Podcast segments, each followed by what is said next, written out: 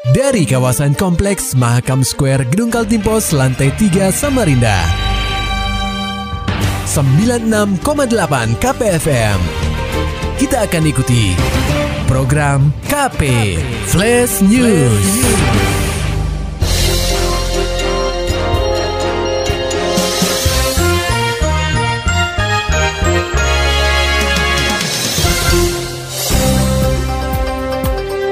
Anda sedang menyimak program KP Flash News bersama saya Agung Pratama. Berita utama. Pemkot Samarinda melalui Satuan Polisi Pamong Praja atau Satpol PP melakukan pengosongan bangunan Sekretariat DPD Golkar Samarinda yang berlokasi di Jalan Dahlia, Kelurahan Bugis, Kecamatan Samarinda Kota, Jumat 20 Agustus 2021. Pengosongan ini dilakukan lantaran Pemkot Samarinda menilai bangunan yang telah lama ditempati oleh partai berlogo pohon beringin ini merupakan aset miliknya. Namun, pengosongan yang dilakukan Satpol PP Samarinda ke gedung berwarna kuning ini sempat terhambat karena perwakilan pengurus partai mencoba melakukan negosiasi. Setelah menunggu cukup lama, akhirnya perwakilan pengurus diperkenankan melakukan audiensi dengan Wali Kota Samarinda Andi Harun. Ditemui usai audiensi, Wakil Kepala Bidang Hukum DPD Partai Golkar Samarinda, Lasila menuturkan, berdasarkan hasil pertemuan disepakati tidak ada penyegelan di Sekretariat DPD Golkar Samarinda.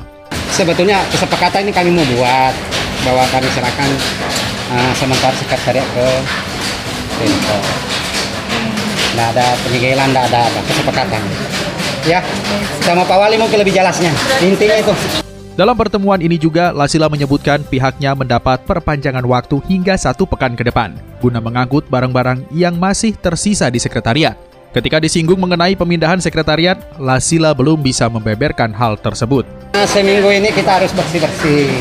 Oh jadi gitu. Udah mulai bersih-bersih artinya hari ini. Bukan mulai kemarin kita bersih-bersih. Oke, nanti selanjutnya teman-teman nanti di ke DPD Golkar akan bertempat di mana? Belum, kami tidak bisa jawab itu, mungkin ketua. Oh gitu. Tapi kami ada persiapan sudah. Nah, persiapannya seperti apa? Nah, itu Persiapan apa? infonya dari Pak Jenderal. Detailnya saya tidak tahu. Terpisah, Wali Kota Samarinda Andi Harun memberikan apresiasi terhadap pengurus DPD Partai Golkar Samarinda yang secara kesatria mengakui dan menyerahkan aset bangunan sekretariat kepada Pemkot Samarinda. Orang nomor satu di kota tepian itu menerangkan sebenarnya pengurus Golkar ingin menggunakan opsi untuk membeli bangunan tersebut. Akan tetapi, pihaknya harus berkoordinasi terlebih dahulu apakah opsi pembelian ini tidak menyalahi peraturan perundang-undangan.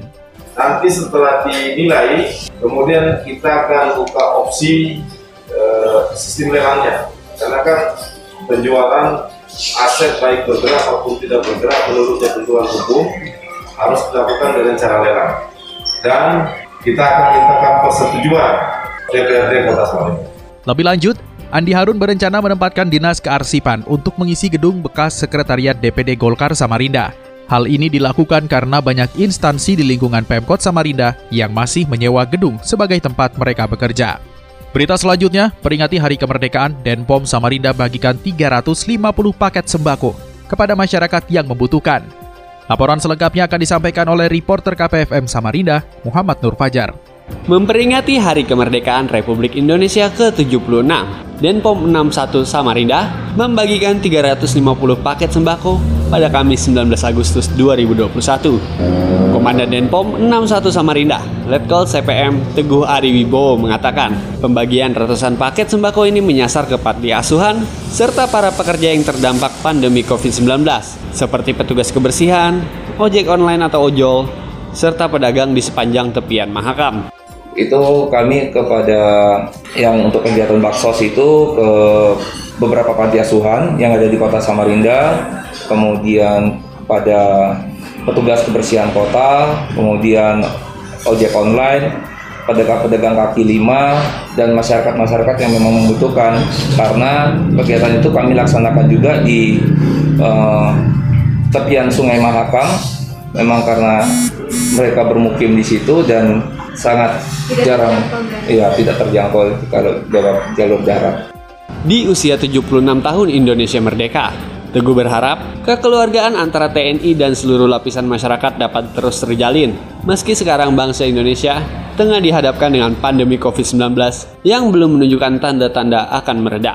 KPFM Samarinda, Muhammad Nur Fajar melaporkan. Beralih ke berita selanjutnya, pendengar KP, Pemprov Kaltim bakal memberi bantuan terhadap anak-anak yatim piatu yang orang tuanya meninggal akibat COVID-19. Saat ini, pemerintah daerah sedang menyusun dan menyiapkan payung hukum untuk pemberian santunan tersebut. Ditemui awak media pada Kamis 19 Agustus 2021, Gubernur Kaltim Isranur mengatakan, saat ini pemerintah daerah sedang menyusun dan menyiapkan payung hukum untuk pemberian bantuan tersebut. Dia memproyeksi ada 150 hingga 500 anak yang akan menerima bantuan dari Pemprov Kaltim. Isran menyebutkan distribusi bantuan bakal diawali di Samarinda. Kurang lebih sekitar 28 anak. Masing-masing anak mendapat 2 juta rupiah. Kemudian nanti segera kita berikan santunan kepada khusus anak-anak yatim atau piatu karena orang tuanya meninggal karena COVID. Diperkirakan di Kalimantan Timur ini tadi antara 150 sampai dengan 500 orang lah kita buat planning. Tapi mudah-mudahan tidak seperti itu realisasinya. Paling banyak di kabupaten kota mana Pak? Ya, yang datanya sudah ada, tapi bervariasi masih. Tadi di uh, konsolidasi datanya, divalidasi. Kira mungkin hari Senin sudah dilakukan penyerahan untuk kota Samarinda dulu ya. Sementara itu, Asisten 1 Sekretariat Pemprov Kaltim Jauhar Effendi mengatakan, sampai saat ini, data penerima masih terus disempurnakan karena kebijakan baru. Ia berharap kegiatan ini terrealisasi pada pekan depan. Bahwa insya Allah nanti kan akan dibantu eh, yang jangka pendek. Jadi ada kebijakan jangka pendek, jangka menengah, jangka panjang.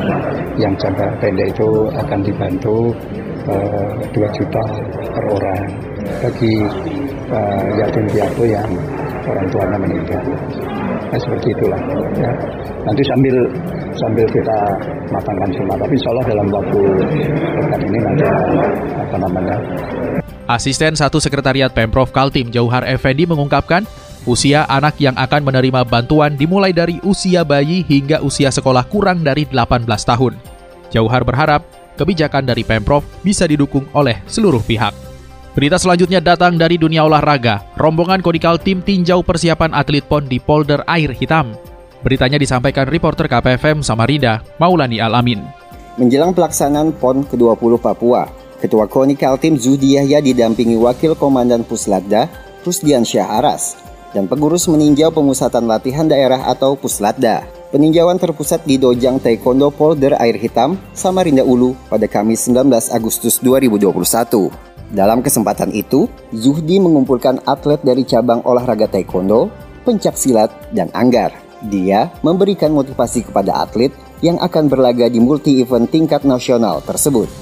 Ya, yang tentu yang pertama kita akan memastikan bahwa para ini dapat melaksanakan latihan dengan baik, ya. Itu yang pertama.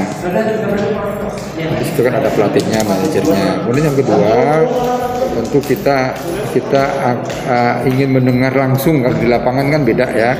Melihat langsung, mendengar langsung apa keluhannya.